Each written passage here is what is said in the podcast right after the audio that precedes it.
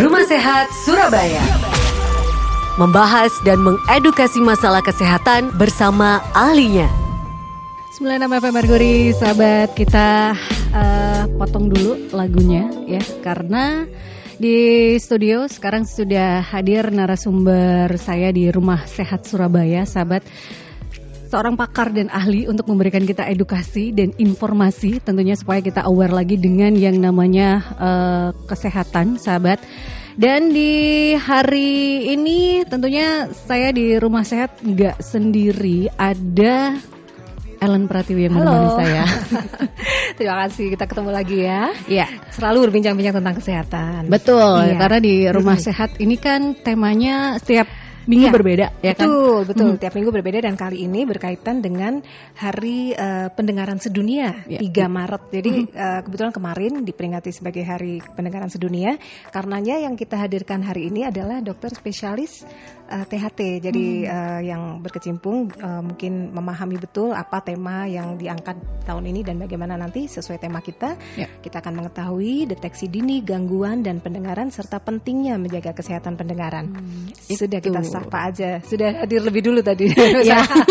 Mohon maaf Sudah ya. Menunggu. Selamat siang Dr. Dr. Nyilo Purnami, spesialis THTKL uh, konsultan mm-hmm. FICS FISCM. Oke, okay. terima kasih Dokter Nyilo sudah berkenan kemari padahal sibuk banget loh beliau nih. nah, beliau ini juga ketua Komda PGPKT mm-hmm. Program Penanggulangan Gangguan Pendengaran dan mm-hmm. Ketulian Provinsi Jawa Timur. Keren. Terima kasih dokter nah. sudah berkenan ya. Tentunya hari ini menjadi sangat uh, penting buat dokter mm-hmm. karena sepertinya sudah menjadi uh, apa yang namanya uh, kewajiban ya hmm. dari uh, tugas dokter untuk menyampaikan yang berkaitan dengan gangguan pendengaran dan pentingnya menjaga kesehatan pendengaran. Bagaimana dokter? Kemarin sibuk sekali atau hari ini sibuknya? Ya. atau sudah mulai sibuk sudah dari mulai awal bulan? Dari awal bulan ini kayaknya ya. ya. Betul. Kita uh. sudah mempersiapkan beberapa bulan sebelumnya. Ya. ya. Mm -hmm. Jadi puncaknya pada bulan ini dan mm. uh, memang Hari Pendengaran Sedunia itu tepat pada tanggal 3 Maret. Mm -hmm. Nah, ini mungkin ada semacam ini ya. Kenapa kok dipilih tanggal 3? Betul. Itu sejak ya. kapan dan kemudian hmm. tema tahun ini apa kira-kira dokter? Ya. Eh, tanggal 3 ini dipilih karena angka tiga itu mirip telinga, Mbak. Oh, ya. paham. Ya, baru ya, semua ya, ya. baru oh ya. ya. Itulah kenapa dokter harus hadir di sini. Iya, betul. Tiga mirip telinga kita yang ya. unik ya. ya.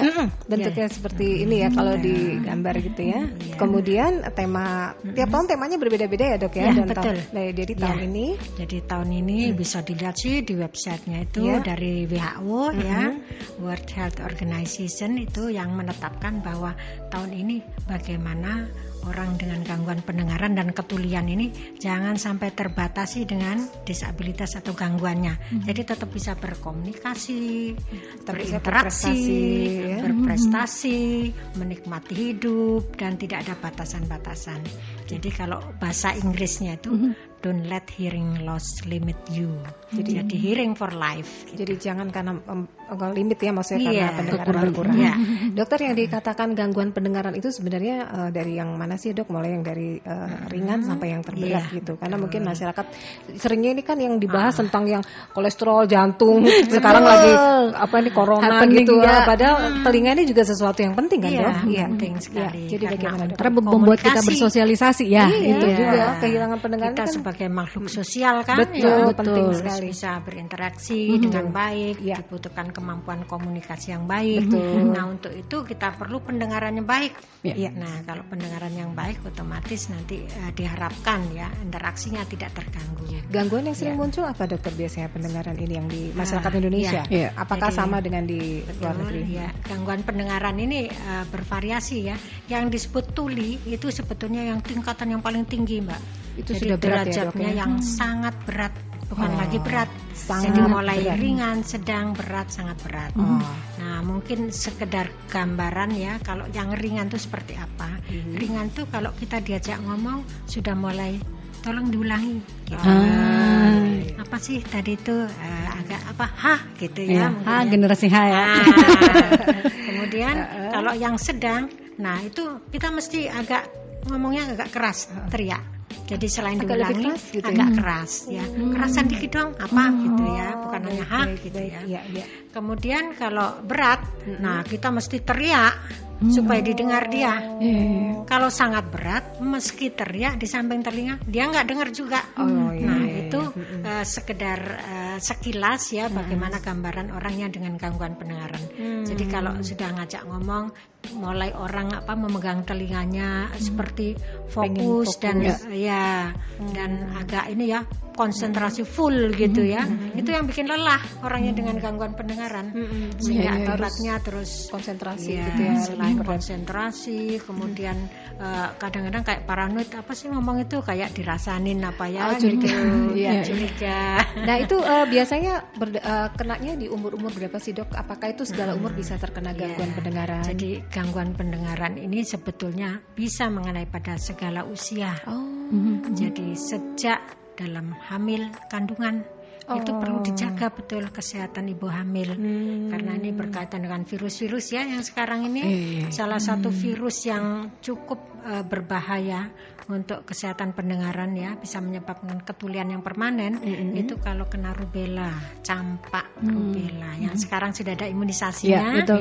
Itu MR itu sudah digalakkan oleh pemerintah jadi imunisasi nasional. karena itu berkaitan dengan indera rubella. dengar. Jadi Oke. eh, apa gabakan merah-merah dan sebagainya. Selain itu toksoplasma, CMV, herpes, ya sifilis dan sebagainya. itu sejak Ya. kecil harus sudah Sejak di dalam ini ya, Ya, kandungan sampai dengan lahir. juga gitu. Oh. Nah pada saat pertumbuhan janin semester pertama itu, nah itu kan eh, organ-organ penting kita di tubuh kita itu sudah mulai terbentuk. Nah pada saat terbentuk awal itu kalau terkena virus dia terus jadi cacat yang permanen. Oh. Jadi kalau rubella itu bisa kena sindrom atau gejalanya banyak gitu ya. Misalnya matanya jadi katarak, jantungnya bisa sekat jantungnya itu bocor ya. Kemudian kalau telinga bisa tuli karena eh, apa namanya bentuknya tadi itu sudah ada gangguan akibat infeksi tadi itu. Oh, baik baik. Ya. Jadi eh, berdampaknya adalah karena bisa mengganggu pertumbuhan Ya. janin ya dok Ya, ya. pada Jadi, saat kehamilan itu jadi ya. beragam. Salah satunya Ah. memang menyebabkan ke ketika Iya, kekurangan iya. pendengaran Jadi atau tidak kalau- bisa mendengar. Oh. Betul. Kalau bayi lahir terus jadi tuli, namanya tuli lah sejak lahir atau tuli kongenital. Kemudian setelah dia mulai agak besar gitu ya kan sering flu, batuk Ya. pilek. Mm-mm. Biasanya ah ini biasa aja, eh, nggak nggak segera diobati, berkembang jadi infeksi telinga. Hmm. Yang biasa disebut orang awam tuh congean gitu ya. Akhirnya terus berlanjut ya keluar cairannya kalau nggak diatasi sampai menyebabkan ketulian bisa juga. Jadi harus segera diatasi. Jadi istilah medisnya itu otitis media superatif kronis gitu ya, congean itu. Jadi sebenarnya tidak mendadak ya dok kalau orang kekur apa namanya ada gangguan pendengaran itu bertahap begitu Iya, prosesnya. ya, jadi akut dulu. Akut, jadi otitis media akut. Jadi flu, batuk, pilek satu minggu dua minggu kelihatannya udah sembuh. Iya. Nah, ternyata komplikasi ke telinga sering terjadi. Oh bisa begitu ya. Ah. Itu berarti memang gejalanya dari batuk pilek dulu Pileknya. terus ke telinga gitu ya, Iya, Dok? rata-rata Hmm, Oh, ada iya, infeksi iya, karena iya, terhubung iya. ya sebenarnya ya rongga Iya. Eh, apa namanya kan THT itu ya, THT. telinga, hidung, tenggorok Tenggorokan ya, itu terus ada kepala salurannya leher ya. sama ya? Hmm. Oh. Jadi saling berhubungan satu dengan yang lainnya. Oke, gitu. iya iya iya. nah, iya. kemudian setelah dia mulai agak besar, nah suka pakai ini headset, Ya, betul, ke diskotik, ya, kemudian Oh, kita eh, siaran ya? Iya, kita kita siaran terus eh, berhubungan dengan pekerjaan, Iya, Ya, kayak ada kita. yang, gitu. ada yang mungkin eh, bekerja di maaf di pabrik-pabrik yang memang Oh, menemukan suara bising gitu ya. Iya. begitu ya. Jadi kebisingan ini sekarang sudah makin apa ya, makin mulai mengancam gitu ya, Mhm. sehingga eh, dikatakan WHO ini eh, kita perlu waspada terhadap kebisingan ini. Mhm. Dan angka gangguan pendengaran ini makin meningkat. Nah, Ya. itu gimana dokter? Angka yang betul. terakhir berapa ini Iya, kira-kira? meningkat itu artinya dibanding yang sebelumnya tuh trennya tuh makin meningkat. Oh. Kalau misalnya yang lain-lainnya segera diatasi makin menurun. Mhm. Ini karena gaya hidupnya Mhm, ya. masyarakat ya. Mhm. Kita semua eh, kalau mau lihat di tempat-tempat keramaian kan banyak yang pakai headset Iya, ya. iya, Terus ya telinganya kayak ditutup-tutup Iya. semua ya. Mhm. Seperti pakai alat bantu dengar padahal mereka sebetulnya normal hanya pakai Itu juga cukup headset. mengganggu kalau ini ya, Nah, ya, itu terlalu ada sering ya. ada aturannya. Oh, jadi nanti kita akan ya. Hmm. Oke. Nah itu setiap harinya harus berapa lama boleh menggunakan headset gitu ya? Untuk normal suara yang bisa kita dengarkan tuh berapa? Iya. dB Eh, ya sekarang. Ya di Kalau di handphone itu kan ada Ha-ha. persennya itu ya. Iya, Jadi ha-ha. sebaiknya tidak lebih dari 50 persen. Coba kita Oh, cek itu. 60 iya, persen iya. lah gitu. Gitu ya. Itu dalam waktu 60 menit. Jangan terlalu lama. Oh. Karena nanti rumah sikut itu ada yang semacam kayak sel-sel rambutnya itu jadi lelah. Lelah. dia. Kalau sudah lelah, lemes, akhirnya lama-lama rusak. Kita pernah dengar ya kalau orang telepon sampai kenceng banget gitu sampai kedengeran lawan bicaranya berarti itu terlalu keras ya dok ya? telinganya kadang sampai panas. Nah itu Iya. kan udah berjam-jam berarti dan Ya. sudah. Apalagi sekarang kan ada paket-paket itu ya. Ya, Oh betul. ya, jadi memanfaatkan waktu kan. ya. Terus bisa ini kayak nyambung ke beberapa temannya. Ada yang begitu. Iya, iya, iya. Ah. Oke, jadi itu eh, ada batas maksimalnya adalah Ya. 50 50 untuk dengan handphone ya. dengan apa eh, dan waktunya durasinya 60 menit. Jadi, Jadi ini 60% lah. ini juga yang harus dipahami teman-teman ataupun juga sahabat Merkuri kalau telepon ke pasangan atau apa pun jangan lama-lama ya. Mending ketemu aja. Iya betul. Kadang kan eh, teleponnya Kalau LDR berarti stop dulu istirahat ya dok ya nanti telepon lagi. Aduh ini menurut dokter kesehat dokter THT katanya nggak boleh lama-lama deh. nah yang Saya men- buat alasan ya. Iya. untuk menghentikan pembicaraan. mengalihkan. Iya betul. Baik untuk kemudian tambang. Mm-mm. Nah, ada juga gangguannya. Oh, Nah, di atas iya, 65 iya. tahun Ya biasanya itu sudah kesering mulai, ter- ya, ah, ada itu. ada ya secara alami lah gitu. Kalau itu anu ya eh, memang kodrat ya memang Nah, ada berkurang. tapi Penurunan ya, cepat, Penurunan, heeh. bisa lebih lambat tergantung gaya hidup tadi. Ya. Kalau misalnya terlalu banyak kena suara bising ya akhirnya ya jadi Cepet tambah ya. cepat. Hmm, Ya. hmm, hmm. Kemudian konsumsi dari makanan yang sehat, Hmm, hmm. gaya hidup dan yang lainnya kurangi stres ya. Iya. gitu. Dok, dok saya memicu.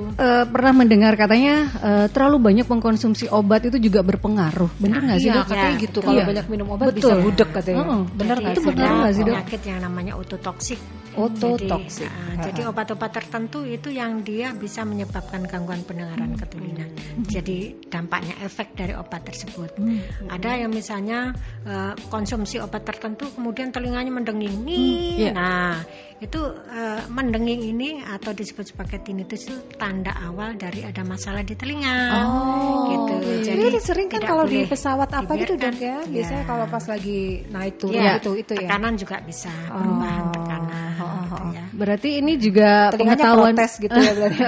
pengetahuan baru ya. Nggak hanya saat kita naik pesawat yang kadang telinga berdenging, tapi minum obat pun Iya. obat tertentu berarti kita harus tahu ya dok. Iya. Kalau kita minum itu berarti Iya. oh ada yang salah nih dengan telinga itu salah kita. dosis atau mengganggu? bisa karena sebenarnya? alergi bisa juga Oh. atau bisa karena efek obat tersebut yang memang dia itu punya dampak ke telinga ke ini ya mengganggu Biasanya syarafnya biasanya obat apa ya itu dok? yang uh, Apa, obat antibiotik atau apa, kah atau atau dia- ya, antibiotik, salisilat, gentamisin, kanamisin, Oh, antibiotik ya, berarti. antibiotik, ya. Oh, kemudian iya, iya, iya. obat-obat kayak kemoterapi, Oh, itu. ya, Oh, itu juga. berdampak ya. Baik, Sehingga baik. kalau sedang uh, ada terapi, terapi, ya, kita monitoring, gitu. Oh, Mereka tetap ada pendampingan dari dokter ya, monitoring. Mhm. Kalau memang ada masalah segera kita tangani, Iya. gitu ya. Nah dok ini kalau misalnya awam nih ya, saya pengen ngecek telinga tuh caranya gimana sih dok? Artinya tidak ada eh, apa namanya gejalanya tuh munculnya seperti apa ya? Kan masih waspada tuh kalau dokter gigi kan bilang harus dua bulan sekali Ya, eh, atau kalau eh, setahun mata, sekali ya. mata setahun sekali. Ya kayak gitu gitu. Kalau telinga THT? gimana dok? Apakah nggak ada gejala pun kita mesti kontrol? Iya. Ya, jadi kalau tadi ada mendenging ya, itu juga sudah merupakan suatu tanda Warning gitu ya? Ya, Oh. sinyal ya. Iya iya iya. Sinyal bahaya. Wah, ini ada apa nih gitu. Jangan diabaikan aja ah, mungkin ada yang rasanin apa. Oh. Ya. Itu mitos ya dok. Lagi ada yang mikirin Oh, ada kita yang mikirin, gitu oh. ya. Ada yang angen-angen. Oh, nah, gitu. Oke, jadi itu Nah, ah, tanda awal ya iya. itu bisa Nah, langsung bisa. periksa. Nah, Nah, kemudian, kemudian, kena flu tadi ya Nah, mungkin ya. Kalau lagi flu ya yang bisa menyebabkan otitis media atau congean. Hmm. Kemudian kalau untuk bayi baru lahir Mm-mm. seharusnya dites pendengaran. Bisa nggak sih dok? Jadi caranya? dua hari udah bisa. Caranya udah tahu. sih dok? Kita Jadi yang itu. sederhana sih memakai kayak suara trompet apa Oh, yang zaman dulu kerincing-kerincing ya. gitu ya. Heeh. Dia tidur kamar tempat tidurnya tuh kayak dikebrak gitu, tapi itu salah cara pemeriksaannya kayak begitu. Pendengarannya ya. kedenger, maksudnya bikin nah, kesannya yang bermasalah. Kaget karena getarannya, bukan karena suaranya. Ah. Jadi bisa pakai suara yang keras-keras, Tepukan ya. tangan, ya, gitu ya, gitu ya. Suara trompet. Nah, Jadi merespon nggak gitu ya? Hmm. Oh. Tapi sekarang kan sudah maju Iya, ya iya. kayak begitu. Jadi Iya. sudah ada alat untuk screening pendengaran bayi baru lahir. Gimana itu biasanya dok? Eh, Gampang nggak sejak sekarang? dua hari bisa dilakukan pemeriksaan itu dan, dan sudah bisa dideteksi ada masalah apa enggak Oh. gitu. Namanya alatnya UAE untuk acoustic emission gitu ya. Bukan Uni Emirat Arab ya? Jadi bisa dikerjakan di rumah sakit yang tersedia fasilitasnya. Oh. Dan di Rumah Sakit Dr. Sutomo ada pusat pendengaran dan komunikasi, Oke. Hearing Communication Ya. Center. Nah, segala ada masalah untuk telinga dan pendengaran bisa diatasi ya secara terpadu dan paripurna lah. Gitu. Kalau untuk rumah sakit bersalin biasanya kan cocok Ah, juga ya betul. bekerja sama ya. Nah, Saya juga sering dikonsuli ya rumah sakit bersalin ya, untuk bayi-bayi baru lahir. Tapi sebetulnya dalam hal ini pencegahan tadi jangan Ya. sampai kalau sudah sakit baru kita bingung ya. Pencegahan itu ya harusnya universal neonatal hearing screening. Jadi semua bayi baru lahir baik sehat maupun sakit.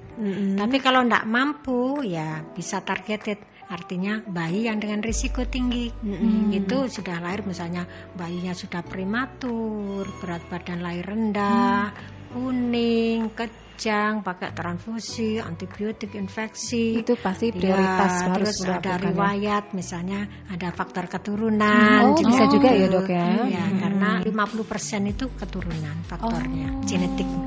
Jadi iya, iya. eh, kalau memang ada riwayat itu maka Seharusnya, seharusnya Seharusnya ya seharusnya diusahakan ya. dilakukan Iya. uh, screening ini dan juga pemeriksaan itu ya dok ya. Ya.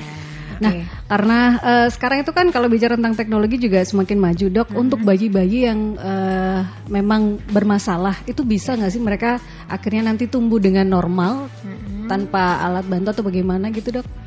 Ya, jadi eh, semua kita melakukan eh, bagaimana penata laksananya itu kita sebut sebagai suatu program deteksi intervensi dini. Jadi bagaimana secara awal mendeteksi, kemudian melakukan diagnosis pasti, memastikan Ya. misalnya ada masalah itu berapa sih derajatnya, beratnya dan sebagainya. Kemudian setelah itu kita ada tahapan untuk intervensi di mana kita selalu eh, apa namanya konsultasi pada ahli-ahlinya ya untuk eh, penanganan selanjutnya yang secara terpadu dan juga adalah pilihan orang tua gitu. Jadi eh, orang tua misalnya kalau anaknya tuli itu mau gimana, mau pakai alat nggak? Kalau ada eh, masyarakat tertentu yang mereka itu ada semacam apa ya anggapan bahwa ya sudah ini suatu berkah maka kita harus terima. Nah itu berarti ada suatu penanganan yang khusus. Ya misalnya harus mempelajari bahasa isyarat ya kita tahu kayak di SLB. Tapi kalau memang kepingin seperti anak yang normal yang lainnya ya harus menggunakan pendengarannya. Memakai alat bantu dengar. Alat bantu dengar sekarang sudah canggih sekali ya. Banyak variasinya banyak macamnya. Ada yang diimplan juga nggak sih, dok? Kalau memang alat bantu dengar itu masih belum membantu, Iya. lanjut dengan operasi implan. Jadi nggak boleh langsung ah mau implan aja deh Oh, gitu. jadi memang harus dilihat ya, step-stepnya mesti ada ya, Dok, ya? Jadi Ah. itu pilihan terakhir bila yang lainnya belum bisa membantu. Dan itu juga sesuai kemampuan orang tua masing-masing Iya, ya, karena iya. harus didiskusikan. Itu bisa sedari usia berapa yang alat-alat begitu bisa digunakan? Ha? Eh, jadi intervensi ini tidak boleh lebih dari enam bulan. Oh, Jadi usia dua hari tadi Ya. mulai deteksi, betul. kemudian kontrol ber- beberapa kali sampai tiga bulan harus sudah final ini diagnosisnya harus sudah dipastikan. Nah setelah dipastikan maka keluarga mulai mikir dan sebagainya ya family planning namanya itu ya dengan konsultasi ahlinya. Tidak lebih dari enam bulan sudah mulai dilakukan intervensi yaitu alat bantu dengar, supaya kemudian nggak terlambat juga ya dok ya. Iya, Kalau masangnya terlambat nanti belajarnya berat soalnya Ya, jadi ya. Mm-mm. eh, setelah itu kalau memang dilaksanakan ini maka tidak ada kendala lagi. Anak tersebut meski tuli dia tetap bisa seperti anak normal. Hmm. Jadi makanya sekarang tidak boleh istilah bisu tuli itu tidak Ya. boleh sekarang. Iya, iya, iya, Karena iya. yang tuli pun dia nggak harus bisu. Iya, Gitu. Iya, iya, Ah. karena bisa dibantu. Mhm. oleh- Baik, baik. Nah, ini eh, itu tentang masalah anak kemudian eh, untuk orang tua. Karena untuk kita kan tadi dokter juga mengatakan setiap tahunnya meningkat. Ini kan penderita tentang pendengaran. di zaman-zaman now ini ya. Iya. Dok, ya. Karena lifestyle ya, Dok. Karena lifestyle. Karena saya juga pengalaman ada teman Mm-mm. yang tadi saya juga sempat cerita ke dokter, eh, ini kalau diajak bicara, hah? Hah?" Dan bukan dia- bolot kan, kalau bolot kan acting. Bukan. Tapi akhirnya setelah Diperiksa. merasa Mm-mm. merasanya tuh lama dok, baru berbulan-bulan kok ini kayaknya ada, ada sesuatu yang aneh nih. Nah baru baru itu periksa. Eh, idealnya dok, itu Ya. berapa berapa lama saat kita harus, wah ini sudah harus ada masalah nih, gitu harus awarenya kita. Maksudnya kan eh, terlambat nggak sih dok kalau misalnya ter- udah berbulan-bulan baru diperiksain gitu dok? Karena pengobatannya cukup lama teman saya ini eh, akhirnya dua bulanan atau tiga bulan gitu Ya, dok untuk oke. menyembuhkan ternyata ada luka atau apa gitu. Oh oke. Jadi itu faktor risiko tadi ya, misalnya sering korek-korek. Hmm. Kan ada yang kebiasaan sampai Iya. ada itu apa namanya cotton bud maniak gitu Iya. ya. Habis mandi langsung korek-korek. Iya, betul. yang bengkak. Bengkak kemudian kotorannya nggak malah keluar tapi masuk. Oh, Jadi iya, infeksi. menurut WHO memang tidak, Tidak diperbolehkan boleh. untuk Oh. mem- mengorek-ngorek telinga dengan cotton bud gitu Oh. ya. Jadi kita akan juga katanya paling benar membersihkan telinga itu seperti apa? Nanti kita akan tanya. iya. Tapi saya ke posko terlebih dahulu, Juli. Ya Yanti ini ada yang masuk melalui WhatsApp menanyakan yang pertama itu adalah Bu Ida. Pertanyaannya apakah ada hubungan antara hidung dan mata? Artinya di sini kalau hidung kita bermasalah apakah bisa berpengaruh kepada mata? Kemudian Ibu Erna pertanyaannya kehilangan pendengaran karena cacat lahir apakah bisa diobati dan bisa disembuhkan? Kemudian Pak Erik eh, kota Surabaya yang, yang polusi dan bising ini apakah dapat berpengaruh kepada pendengaran kita? Lalu bagaimana caranya supaya pendengaran kita tetap sehat meski kita hidup di kota metropolitan yang bising? Itu Yanti, tiga pertanyaan. Ya, terima kasih untuk sahabat Merkuri yang sudah bergabung melalui WhatsApp. Tapi sebelum saya bertanya kepada dokter, saya akan ke jeda iklan. Kita beri waktu dulu ya, dokter Julia untuk eh, Berpikir. berpikir ya, untuk menjawab pertanyaan-pertanyaan dari Anda. Tetap stay tune di 96 FM Merkuri, sahabat di Rumah Sehat Surabaya. Rumah Sehat Surabaya akan kembali setelah yang satu ini.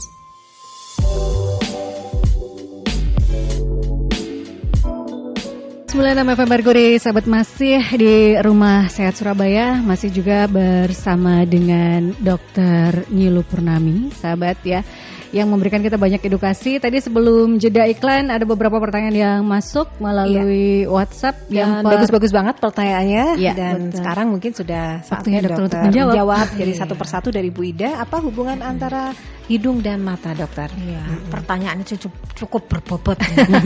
mungkin orangnya berbobot, oh enggak ya? Jadi Oke. penasaran ya kepengen Iya. ketemu ya ini yang tanyain. Bu Ida. siapa Ida? Ida. Ah, Bu Ida. Bu Ida ini saya jadi eh, penasaran ya kenapa kok bisa ada pertanyaan. Ini Karena antara kali ya, Hidung mungkin dengan mata. Kalau di gitu ya. wajah ini kan deket banget artinya Kalau gitu. mata bisa main mata, hidung nggak bisa main hidung.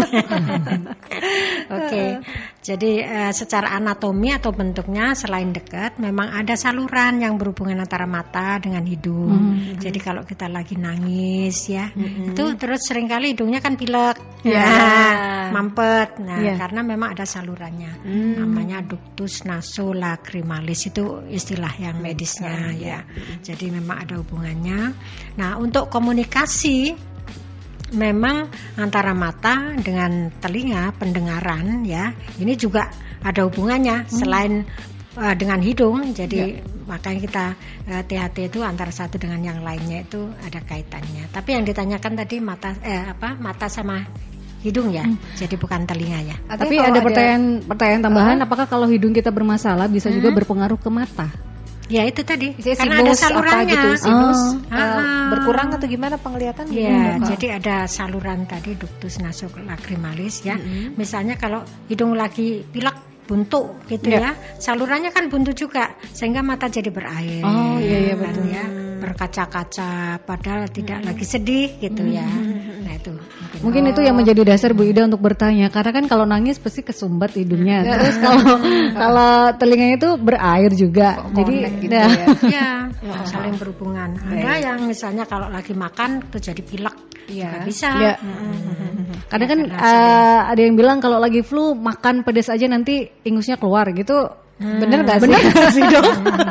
Ya, biar keluar, biar ya. makan. Nah, iritasi ya. Jadi eh, bisa menyebabkan keluarnya lendir. gitu ya. Ah, ah, ah, ah, bisa begitu. Ya. Oke. Nah, ini pertanyaan tadi dari Bu Erna, kehilangan pendengaran karena cacat lahir apakah bisa diobati dan bisa disembuhkan, Dok? Ya, ini yang sudah kita bahas tadi ya, tuli kongenital, tuli bawaan sejak lahir. Nah, itu eh, mengakibatkan kecacatan atau eh, istilahnya disabilitas ya sekarang ini ya. Jadi gangguan fungsi dari telinga maupun pendengaran itu eh, ada tiga sebetulnya macamnya. Jadi ada tipe yang konduktif ya, konduksi yang misalnya kalau ada eh, cacat bawaan sejak lahir misalnya tidak terbentuknya daun telinga. Ada yang kan lahir itu ya di rumah sakit ibu dan anak itu kalau dikonsuli uh, bayi lahir, nah ini daun telinganya kecil, tidak terbentuk mikrotia namanya. Kemudian uh, untuk ini liang telinganya tidak terbentuk, atresia. Nah itu bisa tipe konduktif. Nah ini ada penanganannya juga ya. Jadi masing-masing itu sudah ya, ada ada, penanganannya dan sesuai dengan jenisnya tadi. Kemudian kalau di telinga tengah yang terganggu misalnya karena eh, flu, batuk pilek, infeksi, tadi congean ya. Kemudian ada faktor yang lain, ada tumor dan sebagainya bisa terjadi itu. Itu juga tipe konduksi. Nanti tumor telinga juga ya, Dok, ya? Iya, bisa bisa terjadi. Dan juga sering kalau pada anak-anak itu eh, ini apa namanya benda asing Masuk ya, ya. ya, yang kertas dimasukkan, yang pensil mungkin ya, mungkin ya. pensil, oh. terus penghapus, Penghapus, karet, oh. bahkan orang dewasa pun ada batu akik itu bisa masuk. Oh Tuhan. Iya, batu akik kok bisa masuk daun telinga Iseng ini ya masuk liang telinganya itu Oh, oh, oh, sehingga oh. perlu dilakukan operasi, Operasi? untuk mengeluarkan Oh, Tuhan. karena sulit sekali untuk Iya. menariknya. Dan kalau kayak petani itu ya itu padi dan sebagainya bisa masuk. Nah, yang sering sekali dan eh, juga banyak yang kita edukasi sampai di eh, media massa itu Eh, yaitu kalau orang ini potong rambut di salon-salon, nah itu kan eh, Rambut telinganya kan itu. terbuka terus. Nah, waktu apa ngebas-ngebas ininya ya penutupnya itu, Heeh. nah eh, potongan potongan ya, rambut itu rambut kecil tadi itu? masuk kecil-kecil itu, sehingga terus kalau datang tuh katanya gatel, terus iritasi dan waktu ngunyah ini kok rasanya ada yang nancep-nancep Nusuk-nusuk gitu. ya, nusuk. Ternyata tuh rambut kecil-kecil Ya. itu bisa Nah, masuk. Oh iya, iya dokter. Iya iya seperti iya. itu. Baik baik baik ini. Nah, kalau sampai di bagian telinga bagian dalam, nah itu bisa menyebabkan permanen, ya, karena itu ada organ saraf pendengarannya, rumah siput, koklea, dan organ yang paling kecil ya, katanya yang bisa eh, menjadi apa namanya transmisi dari suara itu dari bunyi yang di luar sampai ditangkap sampai kita mendengar itu. Nah, di situ kalau terjadi gangguan, maka bisa menyebabkan kecacatan yang permanen dan eh, pasti ada penanganannya. Yang tadi sudah kita bahas ada intervensinya itu. Ya.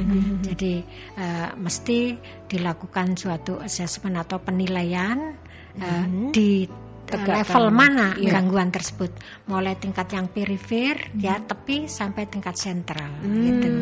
Ada lagi yang eh, anak yang lambat bicara, bukan masalah pendengaran, dia kenapa kok tidak bisa bicara? Speech delay ya, tapi dokter ya? karena persepsi di otaknya yang dia memang tidak mengerti seperti kayak autis, anak dengan eh, hiperaktif, ya, tidak fokus, ya. Sebetulnya dia mendengar, tapi seakan-akan tidak mendengar, dipanggil juga diam saja. Nah, makanya kita perlu lakukan tes-tes pendengaran. Oh, ya. karena kalau untuk anak autis mereka kayak punya dunia sendiri ya dok. Sebenarnya nggak ada masalah. Itu Iya, harus iya, dicek normal. seperti itu ya. Makanya tingkat Tapi kan iya uh, biasanya kayak nggak peduli itu mungkin dikiranya nggak dengar gitu Iya. kali ya padahal mereka sebenarnya mendengar ya dok ya. Iya.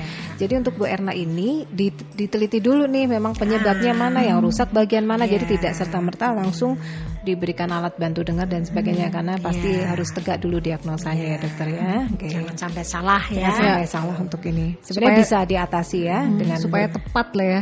Iya, artinya bisa dis, bukan disembuhkan ya, diatasi ya dokter ya, Iya, barangkali. diatasi. Mm-mm, baik baik. Nah ini dari Pak Erik eh, Kota Surabaya yang polusi dan bising apakah bisa berpengaruh juga pada pendengaran kita kemudian bagaimana caranya supaya pendengaran kita tuh tetap sehat meski kita hidup di kota metropolitan Ini kayaknya sering di jalan nih pak. ya. apalagi motor sekarang kan Iya. aduh gitu deh. masuk bahasan kita itu ya. Jadi kalau uh, untuk penyakitnya namanya gangguan pendengaran akibat bising atau bahasa Inggrisnya noise induced hearing loss. Oh, Nah, ini ya, kan ya kategorinya ya, tadi ada. kalau untuk uh, di tempat lingkungan kerja kan itu namanya occupational ya noise induced hearing loss. Karena di tempat kerja itu bisa diatasi dengan suatu program. Ya misalnya kalau bisingnya karena apa ya karena ada suara mesin. Nah bagaimana meredamnya caranya? Seringkali kita akan masuk di suatu tempat yang di tempat parkir misalnya. Tiap kali motor lewat terus jeglek keras. Nah ternyata itu ada kayak besi gitu dilewati motornya nggak pakai bantalan di bawahnya. Nah jadi kan simpel ya sederhana. Iya. dikasih bantalan juga ada mesin-mesin yang getarannya keras dan sebagainya. Itu salah satunya. Tapi kalau eh, di lingkungan yang di luar misalnya jalan raya dan sebagainya maka kita kan sulit ya menghentikan kebiasaan orang ngebel-ngebel Ya. seenaknya ya. Sudah ada lampu merah mau hijau dan sebagainya udah nggak keburu ya eh, pada ngebel nah kita yang bisa melindungi telinga kita misalnya dengan memakai earplug gitu ya kalau terlalu keras Ya, mm-mm. jadi bisa diredakan Ah. dengan di di apa di telinga kita Mengurangi, masing-masing ya, mengurangi, mengurangi suara yang suara, masuk ya. ya. Oh, deket ini biasanya deket rel kereta kan ada yang Nah, rumah-rumah itu deket. Biasanya ya. tuh nggak mungkin berapa menit sekali kereta lewat Ya, gitu ya. ya. Jadi disarankan memakai earplug itu ya. Ah, Hmm. Dan kalau memang eh, lokasi yang demikian itu ya eh, mungkin ada suatu sistem dari pemerintah ya yang bisa membatasi suara itu supaya tidak sampai ke tempat warga. Misalnya kalau kita berada di ini jalan tol, itu kan ada tembok-tembok yang tinggi yang memisahkan suara itu supaya tidak bisa. Karena suara itu bunyi itu rambatannya dia nggak bisa loncat, Iya. jadi lurus gitu. Hmm, Jadi harus ditahan. harus ada penghalang. Ya, ada Oh. penghalangnya. Deket ini Gitu. juga bandara juga biasanya Ya. itu ada tembok yang tinggi gitu ya Hmm, Oh. Jadi harusnya itu ada jaraknya berapa eh, jauh berapa meter gitu supaya tidak terlalu bising. Itu kalau rutin bertahun-tahun tinggal di situ tanpa ada apa namanya apa namanya tadi tuh pencegahan atau apa Iya. bisa ada masalah ya dok Iya. ya? Hmm. Ya pada frekuensi tertentu biasanya turun. Jadi ada area sensitif dari telinga kita itu yang pada frekuensi antara 4000 sampai 6000 itu bisa turun secara drastis. Tapi kalau jangka panjang itu tanda awal tadi yang seperti take itu dia akan melebar. Jadi mempengaruhi frekuensi yang lainnya. Jadi Gitu. nanti mulai hah? Jadi pada apa? Mulai gitu ya. itu udah mulai berarti ya. Berarti kita harus aware untuk masyarakat perkotaan di mana mereka tinggal, ya lingkungannya. Kalau memang eh, faktor resikonya lebih tinggi, maka harus aware untuk segera ataupun juga berapa sering untuk memeriksakan ke dokter THT gitu ya dok. Iya, Nah, karena kalau misalnya mau ditanyakan, ini suaranya eh, terlalu bising nggak? Eh, ada batasannya, yaitu kalau di kesehatan kerja itu eh, boleh berada di situ selama 8 jam, ya dengan intensitas bising tidak melebihi 85 desibel. Gitu. 85 desibel ini sudah lumayan mengganggu ya, bikin stres juga. kalau lama-lama ya dok ya. Ya, Oke. kalau Kalau bahasanya itu pengeng gitu ya. Iya. Nah, taunya gimana? Nah, 85 desibel. Kita sekarang kan banyak punya HP ya. Diinstal aja sound level meter. Oh, Nah, aplikasi kita cek ya, ini. aplikasi ya. Ini ya aplikasinya sekarang bisa di- dipasang di HP-nya masing-masing. Jadi itu kalau saya tahu di berada- sekitarnya ada berapa Nah, ini ya. Oke. jadi saya berada di situ berapa lama dan tidak boleh dengan kebisingan yang lebih dari sekian. Nah, juga ada hukumnya. Kalau kita berada di situ misalnya tambah 3 desibel, waktu harus dikurangi separuhnya. jadi oke. misalnya Jadi durasinya 8 jam, dikurangi ya? dikurangi Oh. separuhnya jadi eh, 4 jam. Mhm. Kalau 88 desibel itu untuk aturan yang sudah baku dari kesehatan kerja Mhm. gitu. Mudah-mudahan sih uh, para pemilik perusahaan atau pabrik itu sudah memahami hal-hal begitu Iya, ya. harusnya, harusnya. memahami. Jadi dan mereka juga uh, ada regulasi untuk ngecek check up pendengaran rutin. Hmm, Jadi untuk ada yang ini kan kewajiban ya? berisiko Iya, ya. iya, Jadi untuk karyawannya ya. minimal satu tahun sekali. ya. Hmm. Kalau yang berisiko tinggi bisa enam bulan sekali. Oh, oke. Kalau radiasi enggak ya dok ya? Hanya suara saja Suara, ya yang mengganggu ya. ya. Oke. Kalau misalnya eh, kita berada di daerah yang maaf tadi dokter bilang kan ada kayak apa namanya keturunan gitu ya. Ah, Nah, itu gimana itu eh, kita aware nih waduh ini ada keluarga kita yang kena atau apa tuh sebenarnya eh, menurunnya sejauh apa? Apakah ke anak perempuan, Hmm. anak laki atau Oh, prosentasenya ya. gimana itu dok? Iya. Jadi kalau genetik ini kita ada suatu pemeriksaan sendiri Hmm. namanya tes genetik screeningnya genetik kita juga sudah bisa mengerjakan itu. Yang Ya, diperiksa jadi- nanti apakah orang tuanya atau Ah, juga anaknya? Jadi biasanya kita periksanya tiga generasi. Tiga generasi. Jadi, ah, Oh. jadi orang tua, Mm-mm. anaknya dan di atasnya lagi. Oke. Kalau memang itu sama berarti ya memang itu ada faktor keturunannya. Jadi benar-benar valid Ya, ya, tidak sekedar men- ya. menduga, tetapi itu Ya. betul. Oh, ada yang tes sampai begitu dok? Iya, Banyak ya? ada sudah. ah. Oh. Jadi tes genetik ya sama dengan tes virus ini juga kan sampai melihat genetiknya itu seperti apa tipenya Oh, dari virusnya. Nah kalau ini kan kita periksa ngambil dari spesimen darahnya, Mm-mm. gitu dicek. Nah ini benar-benar baru banget ya, maksudnya Ya. kita baru tahu Sama ada tes-tes semacam Ya. itu ya. Ya, Jadi kita eh, mewaspadai Iya, iya, gitu iya. ya. Iya, mewaspadai. jadi ada modelnya, ada screening, Mm-mm. ada yang benar-benar diagnostik, jadi tahu jenisnya apa gitu. Nah sekarang sudah dibikin suatu model, misalnya kalau akan ada beberapa ini ya tipe, ada yang dominan, ada yang resesif, ya, ada yang X-link gitu.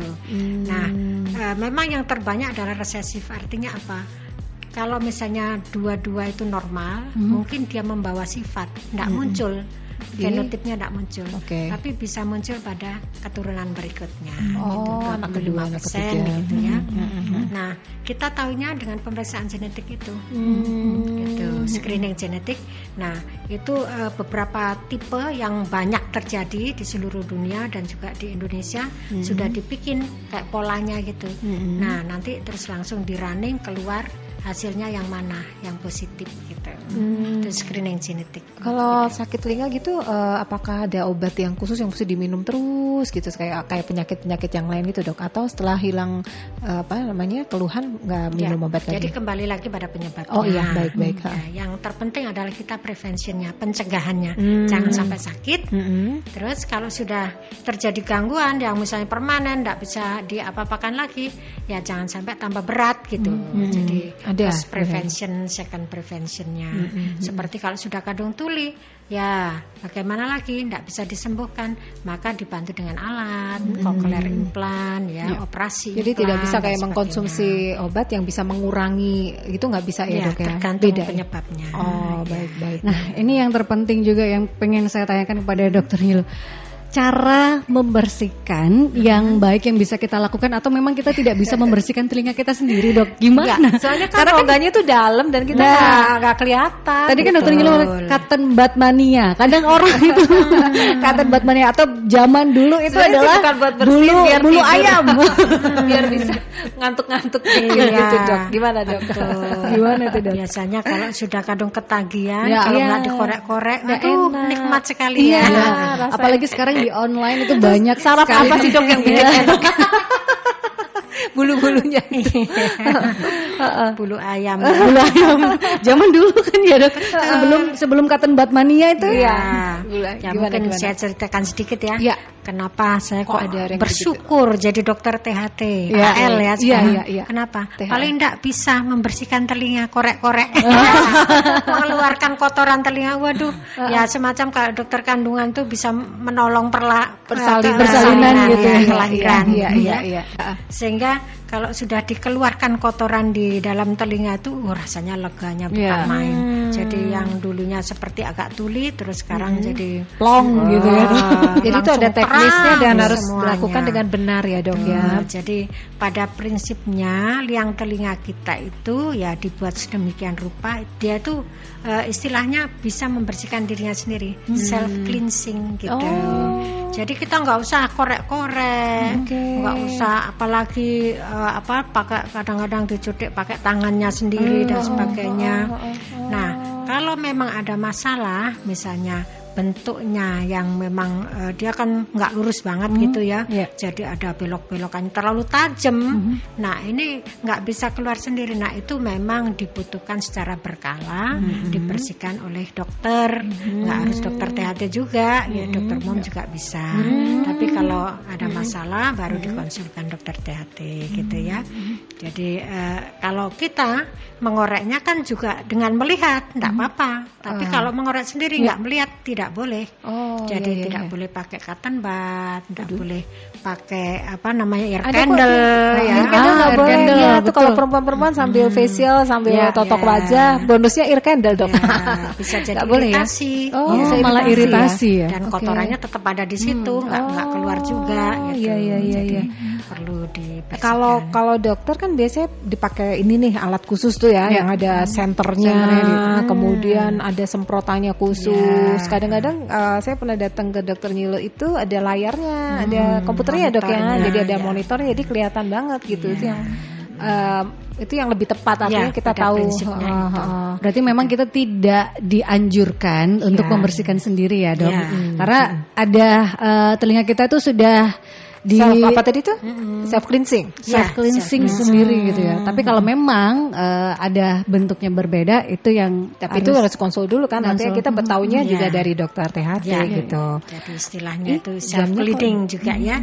Jadi Jamnya kalau cleaning service itu ya, ya. dok, ini oke. kalau mungkin karena waktunya terbatas, dok bisa dikasih tips nggak sih supaya masyarakat ini ya bisa terhindar atau juga kalaupun tadi ada J faktor genetik itu merasa apa namanya tidak sedih hati, maksudnya bisa dihadapi Betul, dengan ya. lapang untuk Ya. uh, bisa hidup bermasyarakat Ya. dengan baik ya. Pada prinsipnya kita kembali lagi bahwa ada gangguan itu tidak harus menjadi eh, keterbatasan bagi tiap orang untuk berinteraksi atau misalnya berprestasi sehingga eh, harus segera dilakukan pemeriksaan deteksi dini kemudian dilakukan intervensi yang tepat gitu. untuk itu kalau ada masalah ya perlu dikonsultasikan segera. Nah, kembali lagi pada tadi beberapa penyakit, mulai sejak hamil jaga kesehatan pada ibu yang hamil, kemudian kalau lahir bayinya segera diperiksakan untuk pendengarannya, kemudian kalau sedang flu batuk pilek segera diobati, kemudian hindari paparan bising yang berlebihan, gunakan secara bijak ya headset dan sebagainya. Kemudian kalau sudah berada bekerja di tempat bising juga hati-hati ya melakukan proteksi atau atau namanya alat pelin- pelindung telinga APD ya. Alat pelindung diri salah satunya alat pelindung telinga. Kemudian kalau sudah usia makin tambah ya lanjut maka perlu dilakukan deteksi juga. Dan jangan sampai rata-rata kalau sudah tambah usia menurun sering kali yang bersangkutan ini tidak merasa ada masalah tapi orang sekitar yang kena dampaknya ya misalnya kalau bicara harus Bisa salah keras paham, iya. kemudian suara-suara di sekitarnya itu eh, dinyalakan dengan keras nah itu sebagai tanda-tandanya sebaiknya Ada segera ya Iya, iya. diperiksakan karena Kabarnya, ah, ah, ya Hmm, itu bisa menyebabkan salah satunya stres, depresi, Ya, ya, ya, betul. ya, dan Bisa bisa, nanti. mempercepat demensia juga. Aduh, janganlah ya. Mudah-mudahan ini jadi himbauan buat semuanya. Kabarnya hari Minggu ada pemeriksaan gratis ya, Dok Ya, ya? betul. Ah, gimana Jadi tuh, Dok? ini salah satu dari bakti kesehatan Perhimpunan Ahli THT spesialis THT KL eh, di cabang Jawa Timur eh, Utara ya. Jadi kita akan eh, memberikan pelayanan berupa screening, konsultasi untuk kesehatan telinga dan pendengaran berkaitan dengan peringatan World Hearing Day. Eh, tempatnya adalah di Car Free Day Jalan di Raya ya, Darmo. Raya Darmo Mhm. dan untuk pemeriksaannya di lahan parkirnya Rumah Sakit Darmo ya. Jadi itu masyarakat boleh ke sana ya? Ya, silahkan. Oke. Ya, Jadi berbondong-bondong. Ya, Dok, ya? saja. Ada tanggal 8 Maret. Gratis Silahkan. ya, tidak ada Iya, biaya ya. Free. Oh, free. Seperti Car Free Day. Car Free Day, ini jadi free. free Ya, konsultasi semuanya ya. free. Oh, Ya. sebagai bakti kesehatan tadi ya dok ya? silakan dimanfaatkan. Jadi bawa anak juga boleh ya kakeknya, Boleh, neneknya yang mungkin ini Ya. silakan. Oke Ya. oke. Sekalian menikmati Car Free Day, sekalian Iya, periksakan eh, kesehatan pemeriksaan. telinga. Kan jarang-jarang soalnya kalau yang periksa yang lain-lain kan udah sering biasanya Ya. ya, yang telinga ini yang uh, kayaknya penting ya. Maksudnya mumpung ada momen ini silakan dimanfaatkan tanggal 8 ya, Dok Tanggal ya. 8 hari Mulai Minggu jam 6 sampai enam sampai jam jam 9 9. sampai Car Free Day-nya tutup. Ya. Kalau Sabtunya kita ada juga tentang rubella yang tadi kita Oh, ceritakan. iya, iya, iya. Itu di Aula FK UNER. Oh, itu masyarakat awam Untuk boleh dokter. ikut? Oh, untuk dokter, dok ini ya. Ya, Mudah-mudahan nanti ditemukanlah uh, mungkin apa namanya hmm, kemudahan-kemudahan bagi Iya. masyarakat untuk bisa berkonsultasi. Untuk update ilmunya. Aduh, keren Terima banget kasih. dokter ya. Ini sudah sudah lewat dari jam 12. rasanya nggak terasa. ngobrolnya. Karena banyak sekali yang Dan eh, seru, maksudnya uh, telinga ini kita jarang untuk uh, Iya. bahas ya. Jadi kayaknya kita banyak menemukan hal-hal baru nih Betul. pagi ini ya. Jadi memang yang harus kita bangun adalah keawareness tentang kesehatan kita, sahabat. ya. Karena kalau bicara tentang eh, pendengaran, sahabat berhubungan juga dengan kita bersosialisasi. Karena mendengar sangat terkait dengan hubungan Iya. sosial. Ya. Tapi kalaupun ada bermasalah, itu seperti pesannya tema tahun ini nggak usah berkecil hati, tetap Betul. bisa berprestasi bermasyarakat dengan uh, dengan penanganan yang benar ya dokter ya. Don't let your hearing loss limit you. Jangan, Iya. jangan ya, ya. atau tetap berprestasi walau tanpa pendengaran. Betul. Terima kasih banyak, dokternya dokter. sudah menyempatkan diri untuk memberikan kita banyak informasi dan wawasan. Iya, juga untuk mendengar semuanya ya. Kita bisa tularkan ke sekitar tentang informasi baik-baik ini ya dok ya. Oke. Nah, Anda sahabat bisa juga mendengarkan Rumah Sehat Surabaya minggu depan karena kita hadir setiap hari Rabu pukul 11 hingga 12 siang dengan tema-tema yang berbeda dan juga dengan ahli-ahlinya ya. Betul. Mudah-mudahan bermanfaat ya. Ya. Kita ketemu lagi minggu depan. Wassalamualaikum warahmatullahi wabarakatuh. Terima kasih sudah mengikuti Rumah Sehat Surabaya.